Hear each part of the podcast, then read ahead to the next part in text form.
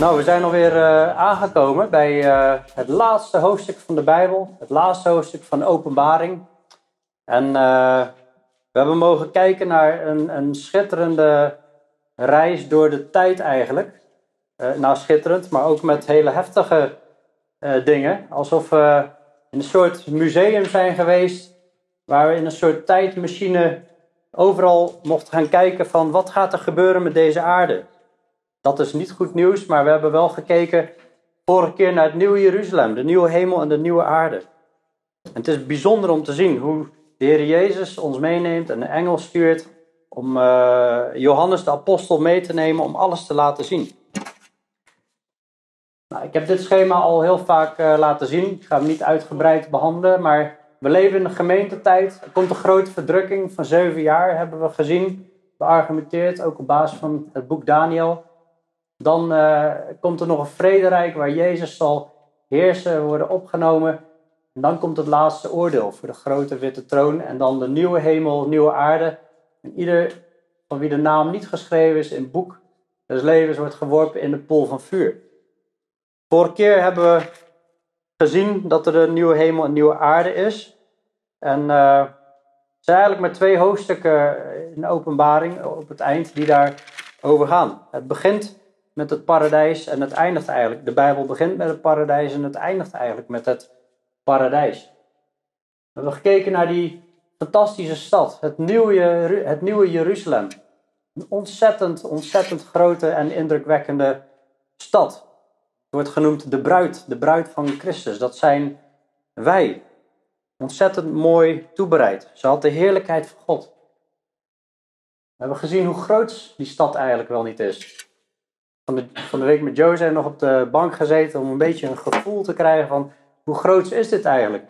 We gingen een beetje fantaseren van wat als je nou elke 10 meter, zo groot hoog is een huis ongeveer, wat als je nou elke 10 meter een verdieping zou hebben? Een verdieping van 2220 kilometer bij 2220 kilometer. En dan volgende 10 meter weer, volgende 10 meter weer. En tot 2220 kilometer hoog, hè? niet meter, maar kilometer hoog. Dat gaat dwars door de atmosfeer. Eh, de ruimte in. Tenminste, ik weet niet hoe dan het heelal eruit ziet en zo, maar om een gevoel te krijgen. En toen kwamen we uit op een, een oppervlak, een vloeroppervlak, wat gelijk stond aan 2144 keer de aardbol, het oppervlak van de aardbol. Dus je kunt er best wel wat woningen in kwijt. Om een beetje een gevoel te krijgen van, hey, zouden alle gelovigen uit alle duizenden jaren daar eigenlijk wel in kunnen passen? Het is natuurlijk onzin, want ja, we weten helemaal niet of die verdiepingen heeft. Maar goed, het geeft toch wel een beetje een gevoel van de, de grootte. Het is ongelooflijk groot. Kom en laat hij die dorst heeft komen en laat hij die wil het water des levens nemen voor niets. Openbaring 22, vers 17. Maar openbaring 22, vers 1, dat begint met: Hij liet mij een zuivere rivier zien van het water des levens helder als kristal, die uit de troon van God en van het lam kwam. En in het midden van haar straat, en aan de ene en de andere zijde van de rivier, bevond zich de boom des levens, die twaalf vruchten voortbrengt. Van maand tot maand geeft hij zijn vrucht. En de bladeren van de boom zijn tot genezing van de heidevolken. En geen enkele vervloeking zal er meer zijn. En de troon van God en van het lam zal daar zijn. En zijn dienstknechten zullen hem dienen. En zij zullen zijn aangezicht zien. En zijn naam zal op hun voorhoofd zijn. En daar zal geen nacht zijn. En zij hebben geen lamp en ook geen zonlicht nodig. Want de Heere God verlicht hen. En zij zullen als koningen regeren in alle eeuwigheid. Een zuivere rivier, helder als kristal, water des levens. Vorige keer heb ik ook al gezegd van in Johannes 4, in Johannes 7, in Jesaja 55 wordt al de oproep gedaan. Kom, kom, wie dorst heeft, kom en drink van het water wat God geeft. Het water des levens. Dan zul je nooit meer dorst hebben. En dat is nu geestelijk. Dat, dat, dat is dat wat van God afkomt. Het werk van de Heilige Geest. Het vloeit door ons heen. Het bevochtigt ons. Het houdt ons in leven. Water is een bestanddeel van het leven. Heel belangrijk bestanddeel. We bestaan voor 90% uit water. Maar geestelijk zin ook. Alleen we zien heel veel dingen die nu geestelijk zijn, die worden straks fysiek. Ineens zien we een zuivere rivier uit de troon van God komen. Het is bijzonder dat het zuiver is en het is helder. En als wij drinken van de bron des levens, dan is dat zuiver. Dit is de zuivere bron van het leven. Gods woord is betrouwbaar, het is rein, helder. Het is helder als kristal. Je gaat ook weer helder zien. Het openen van uw woord geeft licht, het geeft eenvoudige inzicht. Het is helder als kristal. Maar hoe mooi is het wel niet als wij, als je ergens komt en je ziet zo'n zo'n zo'n rivier of water en het is kraakhelder. Dat geeft ook iets van verfrissing en verkwekking. God wil hiermee volgens mij laten zien, het is verfrissend wat ik jullie ga geven. Het is een, verkwekking wat er uit de troon van God komt. Dit komt uit de troon van God en van het lam. En hoe mooi is het om steeds weer dat lam te zien. Volgens mij worden we voor eeuwig herinnerd aan wie Jezus is en wat hij voor ons heeft gedaan. Weer zien we het lam, de troon van God en van het lam. En Jezus is het die het water des levens geeft door het werk aan het kruis van Golgotha. In het midden van de straat en aan de ene en de andere zijde van de rivier bevond zich de boom des levens, die twaalf vruchten voorbrengt. Van maand tot maand geeft hij zijn vrucht. Dat is interessant. Ineens komt de boom des levens komt weer terug. Je hebt hem al eerder gezien, een openbaring, met een belofte. Maar hij komt zo nog een keer, dan zal ik daar even naar teruggaan in het begin van, van openbaring. Maar we zien de boom des levens zien we al in het paradijs, in, in, in de hof van Eden. In Genesis uh, eh, 1 en, en, en 2 zien we de boom des levens al. En hier is hij weer. Is dat dezelfde of is het een nieuwe? Jezus zegt, zie ik maak alle dingen nieuw, maar is die boom meegenomen? We weten het niet. Ik denk dat het een, een, een nieuw is, maar het is ook wel bijzonder. Je denkt heel vaak aan de boom des levens, van oh, dat is één boom. Maar ja, er staat hier toch, aan de ene en de andere zijde van de rivier bevond zich de boom des levens. Is dat dan één boom en daar vloeit een rivier tussendoor? Of is dat een boomsoort en die staat links en rechts? Allemaal vraagtekens, maar hoe dan ook, er is een boom des levens. En in de hof had je de boom des levens en de boom eigenlijk des doods. De boom van kennis van goed en kwaad. En daar kon je kiezen. Maar hier zie je alleen nog maar de boom des levens. En hij brengt twaalf vruchten voort, van maand tot maand. En is bijzonder, een boom die verschillende vruchten voortbrengt. Twaalf vruchten, van maand tot maand, geeft hij zijn vrucht. Dus kennelijk is er ook nog iets van een, een, een, een, tijds, uh, een tijdsaanduiding in die tijd. Hoewel het ook wel de eeuwigheid is, maar. En we weten ook niet hoe dat werkt, want er was geen zon en maan nodig, hebben we vorig hoofdstuk gezien. Dat zien we hier ook weer. Maar kennelijk is er toch nog iets hè, wat aanduidt dat er een tijd is. En de bladeren van de boom zijn tot genezing van de heidevolken. Dat roept natuurlijk ook weer vragen op. Hè? We zijn toch dan in eeuwigheid. Er is geen moeite meer, er is geen dood meer. Maar waarom dan bladeren van de boom die zijn tot genezing van de heidevolk? Ja, dat zijn vragen, daar kan ik ook geen antwoord op geven.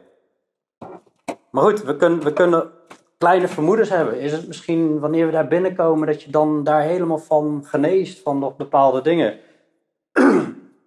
Is het dat je misschien net zoals Adam en Eva in, in de hof, uh, zouden die misschien toch nog een arm kunnen breken of een, uh, ja, kunnen schuren of schaven. En dan ga je even naar de boom des levens en dan is het weer hersteld. Ik, ik, ik weet het niet. Maar hoe dan ook, eh, ik denk dat dit een hele mooie troost is en de belofte, de bladeren van de boom zijn tot genezing van de heidevolken, wat aansluit bij, er is geen jammerklacht, geen moeite, geen dood. Al die dingen zijn voorbij gegaan.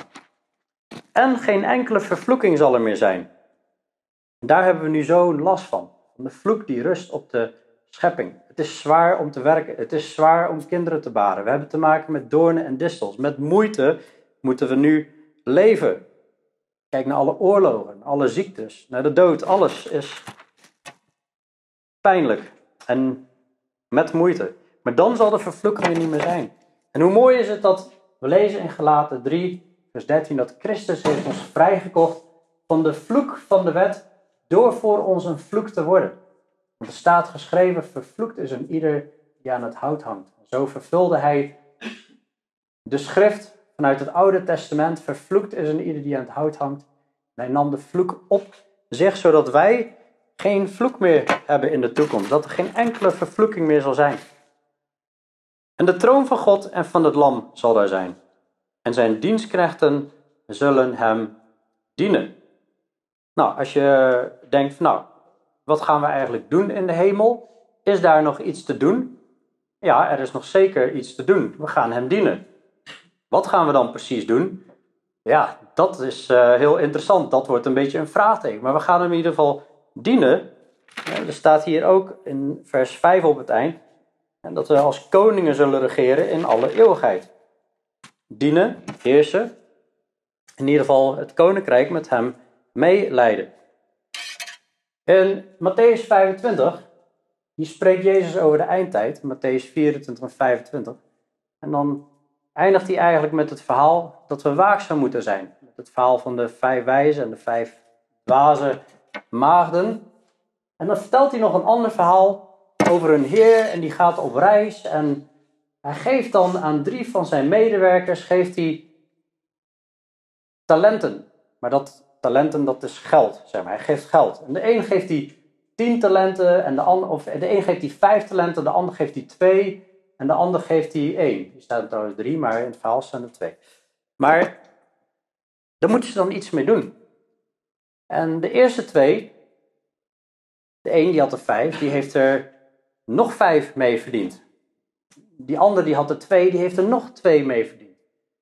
En dan zegt hij eigenlijk tegen die eerste twee, zijn heer zei tegen hem als hij terugkomt, goed gedaan, goede en trouwe dienaar. Over weinig bent u trouw geweest en over veel zal ik u aanstellen. Ga in de vreugde van uw Heer. En de les daaruit is van, wat heeft God jou gegeven? Wat heeft God jou gegeven? Hij heeft je vrijgekocht met het bloed van het lam. Krijg geestelijke gaven. En wat doe je ermee? Wat ga jij, wat ga jij doen met wat de Heer jou gegeven heeft? Ga je dat vermenigvuldigen? Ga je discipelen maken? Ga je aan de slag voor de Heer om Hem te dienen? Dat te vermenigvuldigen? Er was een ander die dacht, nou weet je, mijn Heer, dat is een eh, streng Heer. Laat ik hem uh, dat talent maar verbergen in de grond. En dan als hij terugkomt, dan kan ik hem teruggeven en dan gebeurt er tenminste niks mee. Zegt die Heer, je, je, je, dwaas, je had het in ieder geval op de bank kunnen zetten. Dan had je er nog rente van kunnen vangen. Maar nou heb je er niks mee gedaan. En dan zegt hij, Werp die dienaar die niet nuttig is, die onnutte dienaar uit in de buitenste duisternis. En daar zal gejammer zijn en tandengeknars. Daarbij zie je eigenlijk dat het geloof en de werken samengaan. Maar wat ik, wat ik ook wil zeggen is dat wanneer wij over weinig trouw zijn geweest, over veel zal ik u aanstellen. De Heer is nu aan het kijken in ons leven. Hoe ga jij om? Uh, ieder individu kan naar zichzelf kijken, hoe ga ik om met wat God mij geeft? Ben ik bereid om Hem te dienen? En misschien weet je nog niet wat te doen. Begin maar eens met dat kleine, om daarin trouw te zijn. En dan komt het volgende wel, als de Heer dat wil. Trouw te zijn in Hem dienen. Dus daar staan wel dingen over aangegeven. Hè? Dat we Hem gaan dienen en dat we over veel gesteld kunnen worden wanneer we nu eigenlijk een soort van stage lopen, trouw zijn. In vers 4 staat, en ze zullen zijn aangezicht zien en zijn naam zal op hun voorhoofd zijn. Wat kijken we daar naar uit? Ik hoop dat we daar naar uitkijken, of anders nu, nu in ieder geval weer herinnerd worden om daar naar uit te kijken, dat we één dag oog in oog met God zullen staan.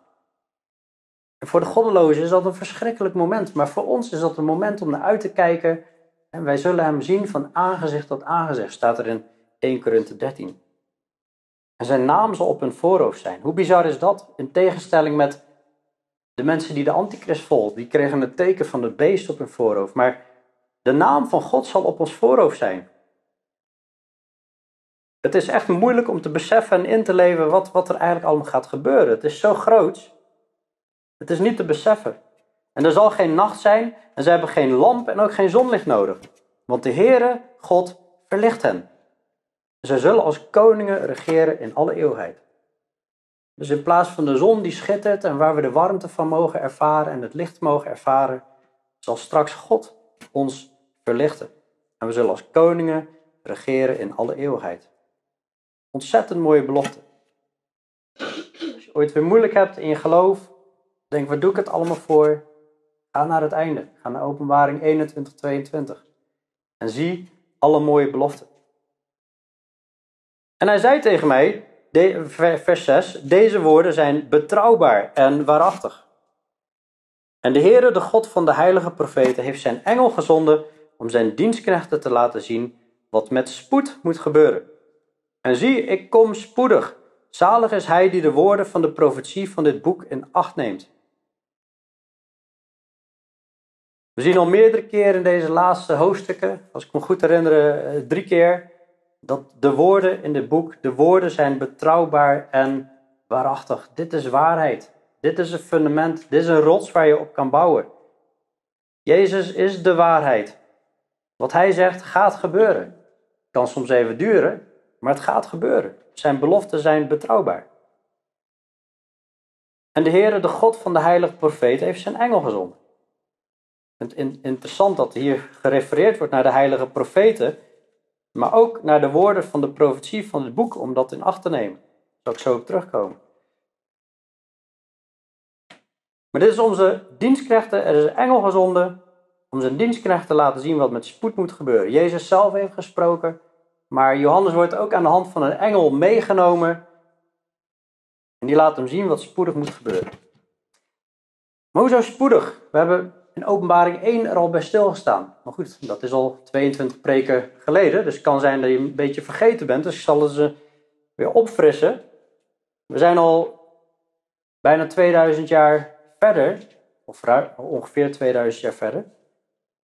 En, en hoezo staat hier spoedig? Nou, met spoedig kan bedoeld worden, hè, op het moment dat Jezus komt, zal het met spoed gebeuren. Of het kon betekenen, nou, hij komt spoedig. Maar ja, goed, 2000 jaar is dat dan spoedig. Maar er staat in 2 Petrus 3, vers 3 een uitleg. Dit moet u allereerst weten, dat er in de laatste dagen spotters zullen komen die naar hun eigen begeerte zullen wandelen. En zeggen, waar is de belofte van zijn komst? Want vanaf de dag dat de vaderen ontslapen, gestorven zijn, blijven alle dingen zoals vanaf het begin van de schepping. Maar laat vooral dit u niet ontgaan, geliefden, dat één dag bij de Heer is als duizend jaar en duizend jaar als één dag. En dus voor God is nog helemaal niet zoveel tij tijd verstreken. 2000 jaar is als twee dagen bijvoorbeeld. Hè? De Heer is een soort van tijdloos. De Heer vertraagt de belofte niet, zoals sommigen dat als traagheid beschouwen. Maar hij heeft geduld met ons en wil niet dat enige verloren gaan, maar dat alle tot bekering komen. Dus dat het feit dat de Heer nog wacht, puur vanwege zijn genade, puur vanwege zijn geduld. Hij wil dat alle tot bekering komen. Maar de dag van de Heer zal komen als een dief in de nacht. Boem, plotseling. En dan zullen de hemelen met gedruis voorbij gaan en de elementen brandend vergaan en de aarde en de werken daarop zullen verbranden. De dag van de Heer, soms de grote verdrukking mee bedoeld, soms een oordeel in het Oude Testament en soms de hele periode van het einde waar we over hebben gehad. Dus het is niet dat God ons vergeten is of dat God zijn profetieën vergeten is. Hij is ermee bezig, maar hij heeft nog geduld. En dan zien we hier dat deze woorden betrouwbaar en waarachtig zijn. De Heere God van de heilige profeten heeft zijn engel gezonden. En we, en, en we zijn zalig als we de woorden van de profetie van dit boek in acht nemen. En dat is zo'n mooie tekst in 2 Petrus 1 vers 19. Die zegt, wij hebben het profetische woord. En dat is vast en zeker. Ook weer zo betrouwbaar en, en rotsvast. Hè? En u doet er goed aan daarop acht te slaan, als op een lamp die schijnt in een duistere plaats. Totdat de dag aanbreekt en de morgenster opgaat in uw hart, licht volledig zal branden. Dan moet u allereerst, dit moet u allereerst weten dat geen enkele profetie van de schrift een eigenmachtige uitleg toelaat. Wij mogen de schrift niet zomaar pakken en een eigen uitleg daaraan geven. Wij moeten de uitleg nemen zoals die gegeven is, of in ieder geval goed schrift met schrift vergelijken. De schrift legt meestal zichzelf wel heel goed uit en nooit zomaar een eigen uitleg toepassen. Want de profetie is destijds toen de tijd niet voortgebracht door de wil van een mens, maar heilige mensen van God, door de Heilige Geest gedreven, hebben gesproken. We moeten daarop letten. Hier staat ook zalig, gelukkig. Zijn degenen die de woorden van de profetie van dit boek in acht nemen. Zalig, dat houdt ook, hangt ook samen met, met, met je eeuwigheid. Niet dat je gered wordt door woorden van de profetie uh, in acht te nemen, maar degenen die gered zijn, die gaan wel die woorden van de profetie in acht nemen. En we hebben natuurlijk ook in Openbaring 1, vers 3 ook al die belofte gezien. In Openbaring 1, vers 3 staat: Zalig is hij die leest en zijn zij die horen de woorden van de profetie en die in acht nemen, wat daarin geschreven staat, want de tijd is nabij. Dus het horen van deze woorden rust er zegen op en die in acht nemen. Nou, wat moeten we in acht nemen? Nou, kijk maar naar alle waarschuwingen en instructies en bemoedigingen in Openbaring 2 en 3, aan de, de, de boodschappen aan de zeven gemeenten. Maar ook hier weer, en vorige week, we zien elke keer weer dingen ertussenin staan. Maar ook waakzaam zijn, wachten op die vervulling van al die profetieën. En in Openbaring 19, vers 10 op het einde staat: aanbid God. En het getuigenis van Jezus is namelijk de geest van de profetie. In de profetie ontdekken wij Jezus, leren we over Jezus. Het hele woord van God draait om Jezus. En ik, Johannes, ben het die deze dingen gezien en gehoord heb. En toen ik ze gehoord en gezien had, viel ik neer om te aanbidden, voor de voeten van de engel die mij deze dingen liet zien. Zijn hart raakt vol van aanbidding. Zo onder de indruk van dat hele nieuwe Jeruzalem en die rivier en die boom des levens en alles wat God aan het doen is, dat hij niet anders kan dan God aanbidden. Alleen hij aanbidt hier de verkeerde. Hij, aanbidt de engel. En die engel zegt tegen hem opnieuw, hè, hij had eerder ook al geprobeerd de engel te aanbidden, gewoon zo onder de indruk. Nee, pas op dat je dat niet doet. We aanbidden geen engelen. Ik ben een mededienstknecht van u en van uw broeders, de profeten, en van hen die de woorden van dit boek in acht nemen. Aanbid God. Dat is mooi om te zien dat de engelen ook de woorden van dit boek in acht nemen. En mededienstknechten zijn. Wij zijn niet alleen de, hemel, de hemellegers, de engelen, die strijden met ons mee. Zij zijn dienende geesten. Uitgezonden om ons te helpen. Ze kwamen Jezus dienen. Toen bij de verzoeking in de woestijn. Maar ze dienen ook ons, ook al zien wij dat niet. Maar aanbid God.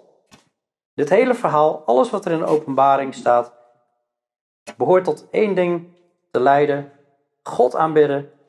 En daarmee dus ook zijn woord in acht te nemen. En dat is ook aanbidding.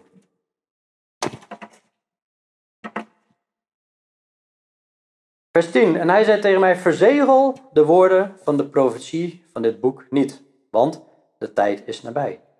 Dit moet bekend worden.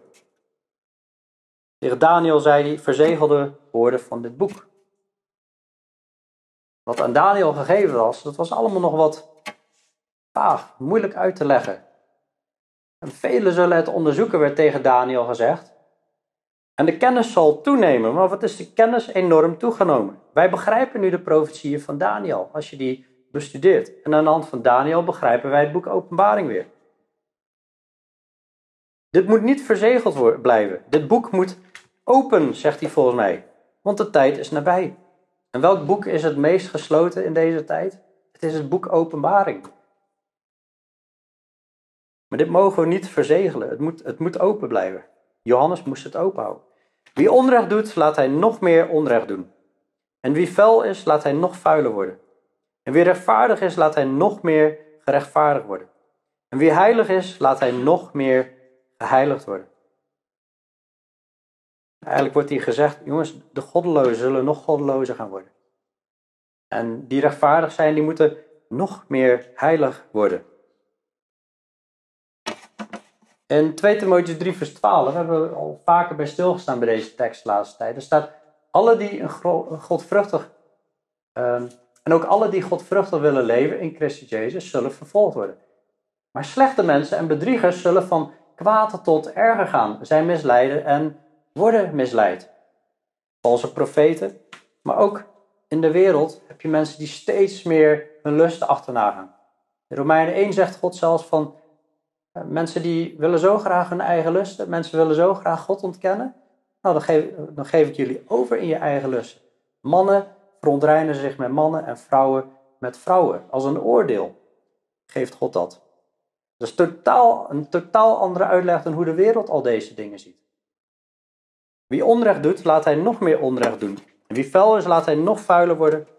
Wie rechtvaardig is, laat hij nog meer gerechtvaardigd worden. En wie heilig is, laat hij nog meer geheiligd worden. Je ziet eigenlijk continu in het Nieuwe Testament, als het gaat over, ook het Oude Testament, over de eindtijd, dat het mag leiden tot bekering, tot reiniging, tot verheerlijking van God. Of het leidt juist tot nog meer oordeel.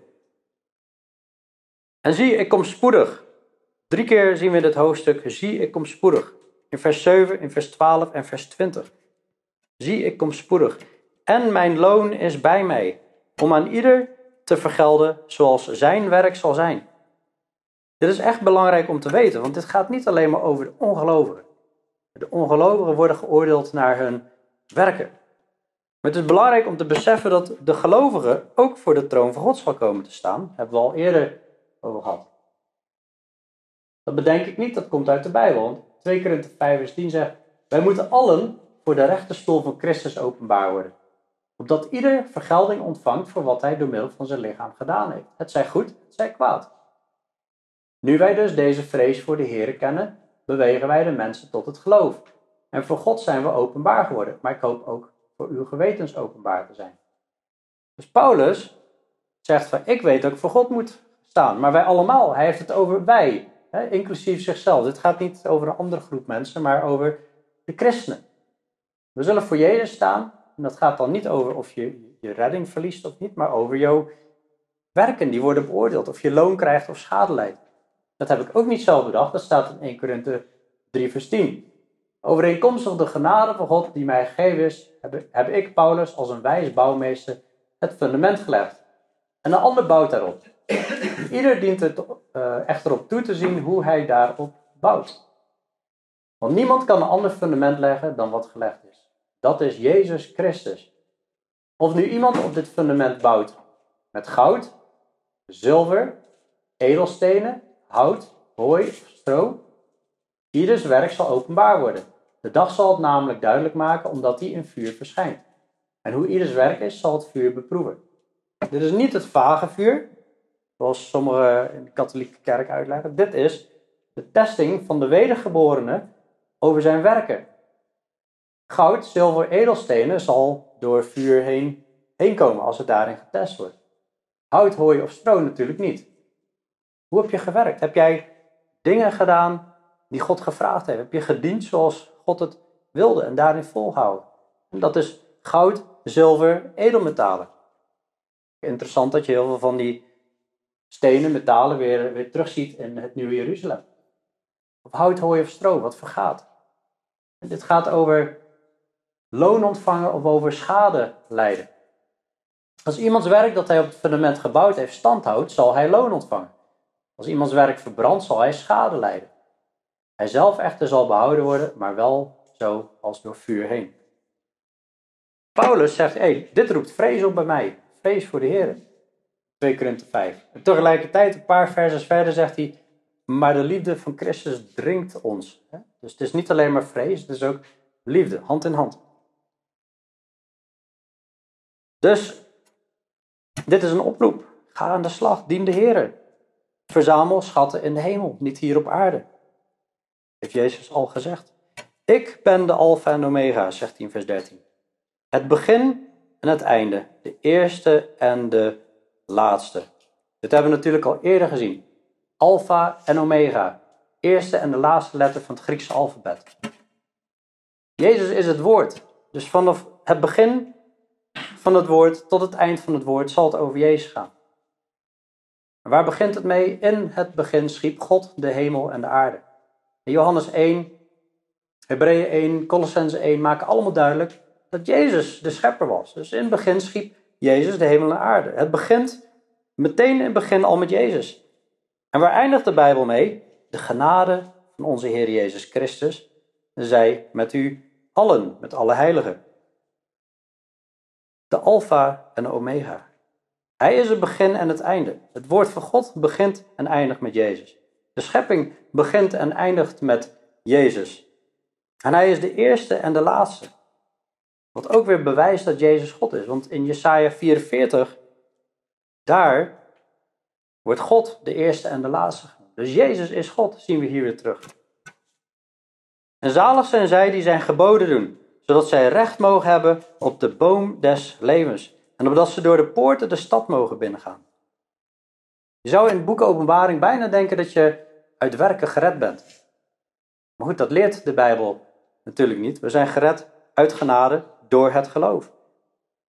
Maar ben je opnieuw geboren, dan ga je wel zijn geboden doen. wat ik zo bijzonder vind, is dat het hier gekoppeld wordt aan de boom des levens. En ik had beloofd dat ik daarop terug zou komen, op de boom des levens. Dus je kijkt in openbaring 2, vers 7, er staat, wie oren heeft, laat hij horen wat de geest tegen de gemeenten zegt. Wie overwint, hem zal ik te eten geven van de boom des levens, die midden in het paradijs van God staat. Wat was, wat was er aan de hand hier? Dit gaat over de Efeze gemeente. Die hadden valse apostelen herkend. Die hadden valse leer herkend. Maar ze hadden hun eerste liefde hadden ze verlaten. En dan moesten ze zich van bekeren. Als je dan overwint en je, en je luistert naar wat de geest tegen de gemeente zegt, dan zal ik hem te eten geven van de boom des levens, die midden in het paradijs van God staat. Dat is ook interessant om te zien. De boom des levens staat dus in het paradijs, maar ook dus in Nieuw Jeruzalem. Dus Nieuw Jeruzalem wordt ook gezien als het paradijs. Eigenlijk net zoals je in het begin, in de schepping, God schiep de hemel en de aarde, hij gaf bomen. Maar in Eden plantte God een hof. En in die hof zette hij de mens om die te onderhouden en te bewerken. Ook daar liepen rivieren. Ook daar was goud en onyx en balsemhars. Allemaal producten om te bewerken. Maar hier gaat het weer over de boom des levens. Om te overwinnen. Maar mijn punt is, wat ik hier wil maken. Ze hadden hun eerste liefde verlaten. Wij weten op basis van 1 Johannes 5 vers 3. Dit is de liefde tot God. Dat wij zijn geboden in acht nemen. Dit is de weg om God lief te hebben. Dus zalig zijn zij die zijn geboden doen. Waarom zegt de Heer dit? Omdat dat de liefde is tot God. Dan worden we niet opgeroepen om de Heer lief te hebben met heel ons hart, met heel onze ziel, heel ons kracht, heel ons verstand. En zijn geboden zijn geen zware last. Wat hebben we dit stuk toch vaak gezien de laatste tijd? Al wat uit God geboren is, overwint de wereld. Dus als jij opnieuw geboren bent, dan ga jij overwinnen. En dan ga je zijn geboden in acht nemen en zo je liefde tot God uiten. En dit is de overwinning die de wereld overwonnen heeft, ons geloof. Wie anders is het die de wereld overwint hij die gelooft dat Jezus de Zoon van God is? Heb je nog een verlangen? Heb je nog echt een verlangen om Jezus te volgen? Heb je echt een verlangen om hier naar de bijeenkomsten te komen waar Jezus in het midden is? Heb je nog een verlangen zoals Twee tortelduifjes die net verliefd zijn geworden. Man en een vrouw. Die willen elkaar continu zien. Die willen alles van elkaar horen. Hebben wij nog zo'n verlangen om naar het woord van God te luisteren? Sorry kinderen, jullie weten nog niet wat ik bedoel. Ga je vanzelf een keer meemaken. Hopelijk onder begeleiding van je ouders. Waarom lachen die ouders in één hard? Zalig zijn zij die zijn geboden doen. Nou, wat zijn zijn geboden dan? Nou, begin het Nieuwe Testament maar te lezen. In het boek Openbaring, in Openbaring 2 en 3, hebben we al gezien wat de Heer graag wil, waar we op letten. Niet alleen letten op je eerste liefde niet verlaten, maar ook eerder leer. Daar, wordt, daar waarschuwt hij vaker tegen dan de liefde verlaten. Zodat je dan recht mag hebben op die boom des levens. En opdat je door de poorten de stad mag binnengaan. En dat de Heer Jezus en de Vader daar staan, welkom. Welkom, kom naar de boom des levens. Kom naar het water des levens. God wil bij jou wonen. God wil bij de mens wonen. Hij wil gemeenschap met ons hebben. Hij wil ons bestralen, zijn warmte en zijn liefde geven en dat we in zijn nabijheid zijn. En dat we volledig genezen worden. Maar, altijd maar die maar. Altijd maar die maar. Buiten bevinden zich de honden, de tovenaars, de ontuchtplegers, hoereerders de moordenaars, de afgodendienaars en ieder die de leugen lief heeft en doet. De mensen die deze dingen doen, zullen het koninkrijk van God niet beërven. Zien we Galaten 5 en 1 Korinthe 6. Elke keer zie je zo'n lijst, zo'n opsomming. En het is nog veel langer dan dit. Maar het valt me wel op. De vorige keer hebben we hier ook al bij stilgestaan.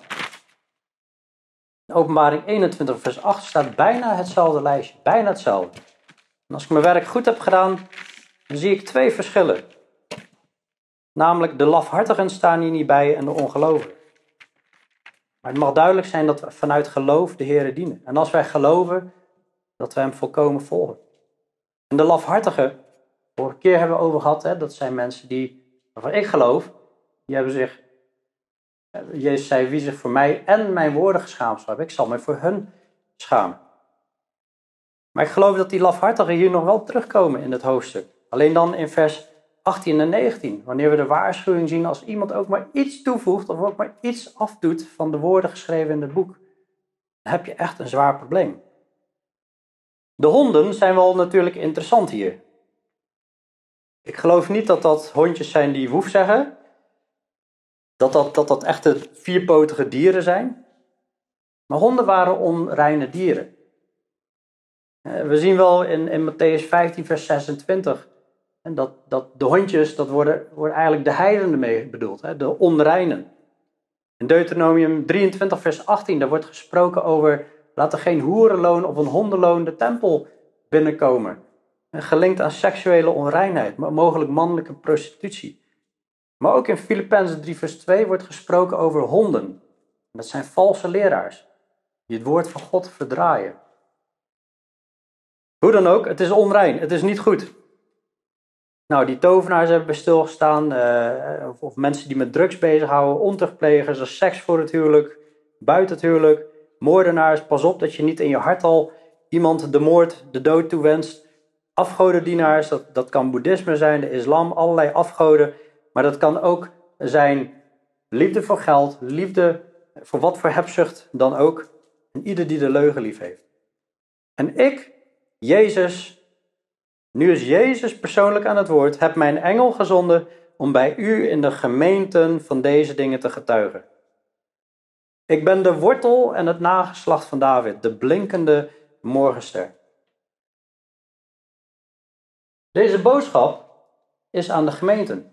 Weten we nog, in het begin schrijf aan de engel van de gemeente die daar en daar is.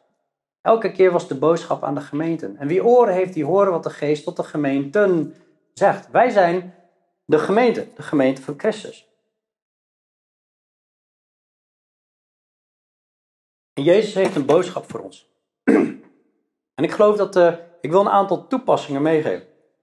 Ik, ik, ik heb na zitten denken over, elke keer als het over de eindtijd gaat, dan staat er elke keer weer een toepassing bij. Bijvoorbeeld een zegen ontvangen als je de profetie in acht hebt uh, genomen. En dat hebben we net gezien. Wil jij die zegen hebben door dit woord in acht te nemen? Het is al een zegen om te weten wat er allemaal gaat gebeuren.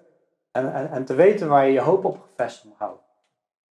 In 2 Petrus 3, wanneer we lezen wat we, wat we net eh, ook bekeken over de Heer vertraagt de belofte niet en de aarde zal vergaan. En staat er, beijver u om onbesmet en vlekkeloos gevonden te worden. We moeten ons beijveren om helemaal schoon te zijn voor de Heer. Dat we niet ons zullen schamen als Jezus terugkomt. Jezus heeft ook gewaarschuwd wanneer hij spreekt over de eindtijd. Hij zegt, de wetteloosheid zal toenemen. Nou, kijk maar om je heen. Wat een wetteloosheid. Zet het nieuws maar aan. De wetteloosheid zal toenemen en de liefde van velen verkillen. Er zullen zware tijden in de laatste dagen aanbreken, ook door losbandige gelovigen. De vrijzinnigen, die het niet zo nauw nemen met het woord van God. Volg die niet. Elke keer staan die waarschuwingen erbij. Er zullen veel valse profeten opstaan en velen misleiden. Als Jezus spreekt over de eindtijd. Wees niet verbaasd op het eind. Zullen er veel zijn. Dus wees niet naïef. Denk niet van, nou, deze zal wel meevallen. Die heeft, zo'n, uh, die heeft zo vriendelijk gezegd. Die is zo sympathiek, die man. Nee, je moet een leertoetsen. Mij ook. Mensen zullen volop genieten van orenkietelaars in plaats van te luisteren naar preding van het woord. Kerken zullen vol zitten met orenkietelarij. Daar wordt voor gewaarschuwd. Er wordt ook opgeroepen om vast te houden aan de genade en hem, dat we God dienen op een hem welgevallige wijze, met ontzag en eerbied. Als we weten dat dit alles zal vergaan en we een koninkrijk ontvangen wat niet zal vergaan, dat we hem dienen. Niet zoals wij willen, maar op een hem welgevallige wijze. Met prezen, met ontzag en eerbied, zoals Paulus ook deed. Ook zien we in Hebreeën 10 dat we onze eigen bijeenkomsten niet moeten nalaten, zoals bij sommigen gewoonte is, maar elkaar aansporen, zoveel te meer als je de grote dag ziet naderen. Dus de schrijver van de Hebreeënbrief linkt de eindtijd aan, jongens, cluster bij elkaar, kom bij elkaar, vuur elkaar aan. Purige liefde wordt allemaal over gesproken. Je wilt toch Jezus gewoon ontmoeten als we voor eeuwig bij hem zullen zijn. Kom dan gewoon en, en wees opgebouwd en bouw de ander op. En hij koppelt dit aan vooral als je de grote dag ziet naderen. En die nadert keihard. Israël zit op zijn plek. De technologie is klaar om alles uit te voeren. Teken op rechterhand en voorhoofd hebben we het over gehad. In China zijn ze bezig met camerasystemen. Op elke hoek van de straat en nog meer. Ze kunnen gezichten scannen. Ze kunnen traceren of mensen een moskee of een kerk uh, inlopen. En dan, en dan daal je in één keer op de betrouwbaarheidslijst. Dan word je in de gaten gehouden. En wereldwijd zijn alle ogen erop gericht om te kijken naar deze, deze technologie. Om overal toe te passen. Alles is keihard onderweg naar het einde. Alles wijst erop.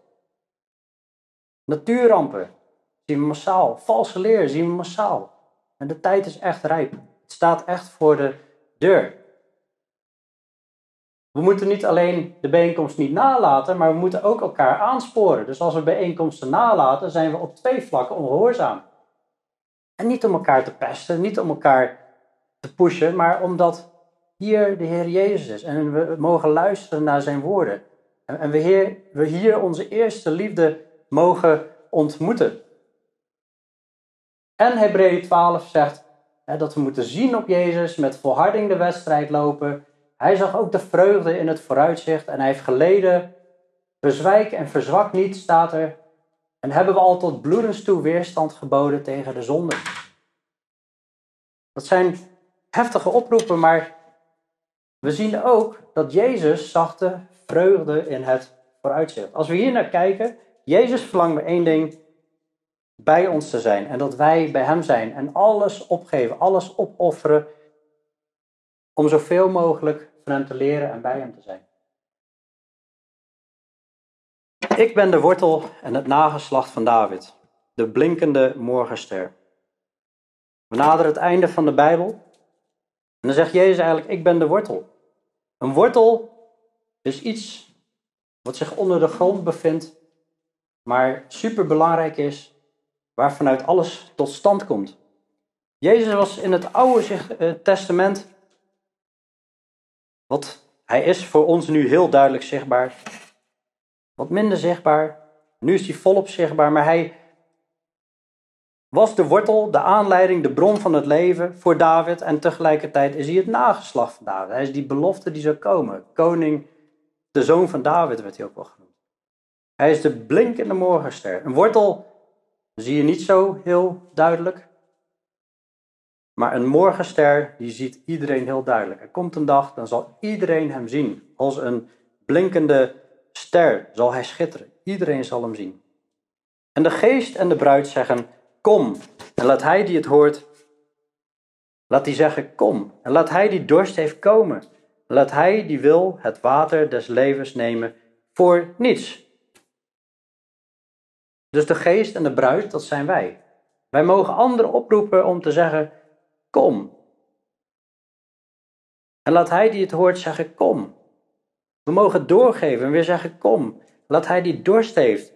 Iedereen heeft uiteindelijk geestelijke dorst. En de Heer zegt, kom.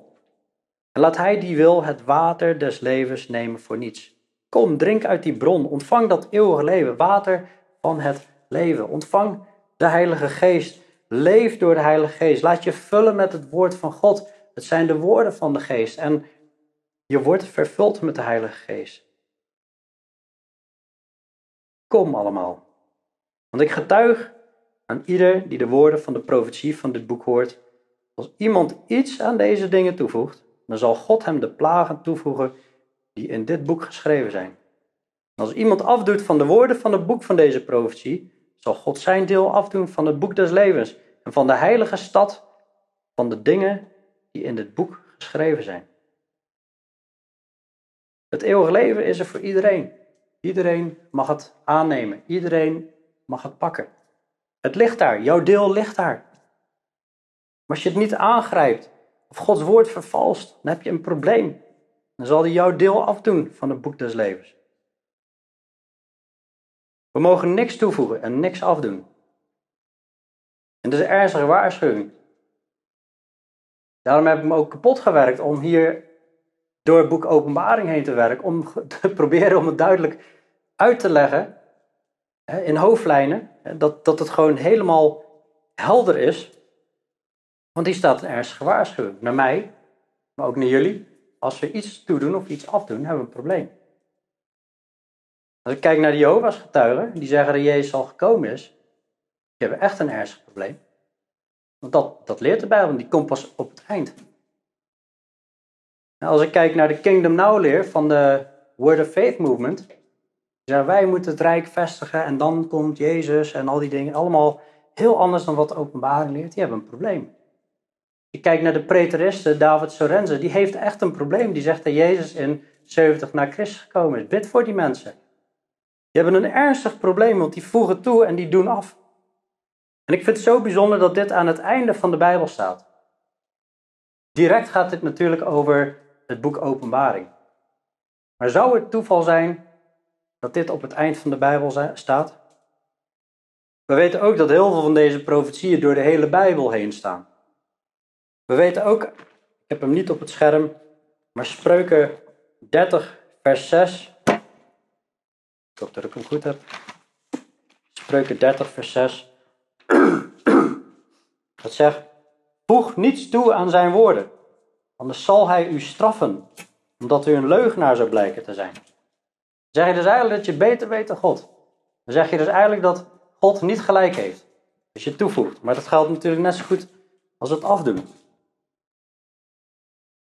En dan heb je nog de amillennialisten, heel veel in de protestantse kerk, die, die, die dat duizendjarig vrederijk niet letterlijk nemen. Nee, dat is niet letterlijk, dat is figuurlijk, symbolisch. En heel veel die zeggen, ja, die rampen, dat is ook allemaal symbolisch. Ik zou niet graag in hun schoenen willen staan. Zes keer spreekt de Heer over een duizendjarig vrederijk. Waarom zou dat niet gewoon een duizendjarig rijk zijn? Waarom zou dat niet gewoon letterlijk over duizend jaar zijn? Ze zeggen, nee, dat is misschien nu al. Ja, daar hebben we het allemaal over gehad. Ik niet allemaal weer argumenteren. Hij die van deze dingen getuigt, die zegt, ja, ik kom spoedig. Amen. Ja, kom Heer Jezus. Dat mogen wij uitroepen, elke dag. Kom Heer Jezus. Hij zegt, ik kom spoedig. En onze reactie mag zijn, kom Heer Jezus. En de genade van onze Heer Jezus Christus zijn met u allen. De laatste woorden van de Bijbel spreken genade uit. Maar heel duidelijk voor wie zich bekeren. En ik wil eigenlijk eindigen met wat. We zijn hier op het einde van het nieuwe verbond. Het nieuwe verbond eindigt hiermee. Als je kijkt naar het oude verbond, dan heeft Mozes heeft het verbond ontvangen. Genesis tot en met Deuteronomium, de Torah. En wat hij dan doet, is hij roept iedereen bij elkaar. En dan zegt hij, ik roep vandaag de hemel en de aarde tot getuigen tegen u. Het leven en de dood heb ik u voorgehouden, de zegen en de vloek. Kies dan het leven opdat u leeft, u en uw nageslacht. Door de Heere, uw God, lief te hebben, zijn stem te gehoorzamen en u aan hem vasthouden. Want hij is uw leven en de verlenging van uw dagen. Ook Jozua, als ze het land hebben ingenomen, stelt weer een verbondsvernieuwing in. En dan zegt hij weer, jongens, wie ga je dienen? Maar wat mij en mijn huis betreft, dus onze trouwtekst trouwens van mij Rebek, wat mij en mijn huis betreft, we zullen de Heeren dienen. Koning Josia hield het volk ook weer de woorden voor van het verbond. En deed Jezus je deed eigenlijk hetzelfde. Ik hou je voor zegen, ik hou je voor vloek. En dat is eigenlijk wat het Nieuwe Testament ook voorhoudt. En ik wil eigenlijk oproepen, wat Jeremy eigenlijk vragen om gewoon heel rustig muziek te spelen. Want muziek heeft God ook gegeven om ons hart week te maken. David die speelde zelf voor Saul en er was er een geest die zelf vertrok. Maar om gewoon hier eens bij stil te staan en je hart te onderzoeken, hoe is mijn relatie met God? Nu op dit moment. En dat we allemaal weer opnieuw een verfriste toewijding, of onszelf mogen toewijden aan God. En dat we daar over na gaan denken. Om te komen naar de bron van het leven, de water des levens. Kom maar, Richard. En uh, ja, dat, dat we weer naar de Heer Jezus toe gaan en zeggen: Heer, ik wil u weer als eerste liefde. Ik wil, en misschien is hij wel je eerste liefde, maar dan nog vindt hij het heerlijk als we ons continu daaraan toewijden. Zullen we gewoon tijd nemen om gewoon ons hart te onderzoeken en de Heer groot te maken in ons hart?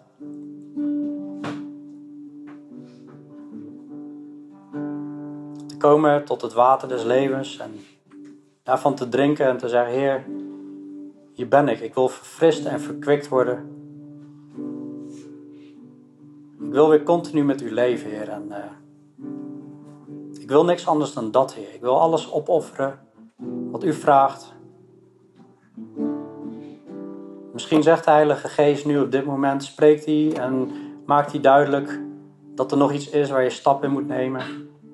Of dingen om weer volledig toe te wijden aan Hem. En ik vragen, wil je dat, wil je dat doen vandaag? Misschien ken je Hem nog niet eens. Misschien moet je zeggen, Heer, hier ben ik. Ik ben een zondaar. Wilt u mijn zonde wegwassen? Wilt u mij vergeven? Ik wil dat eeuwige leven. Ik wil bij u zijn. En je mag vragen om de Heilige Geest om die te ontvangen. Dan komt God in jou wonen. Die zal je helpen.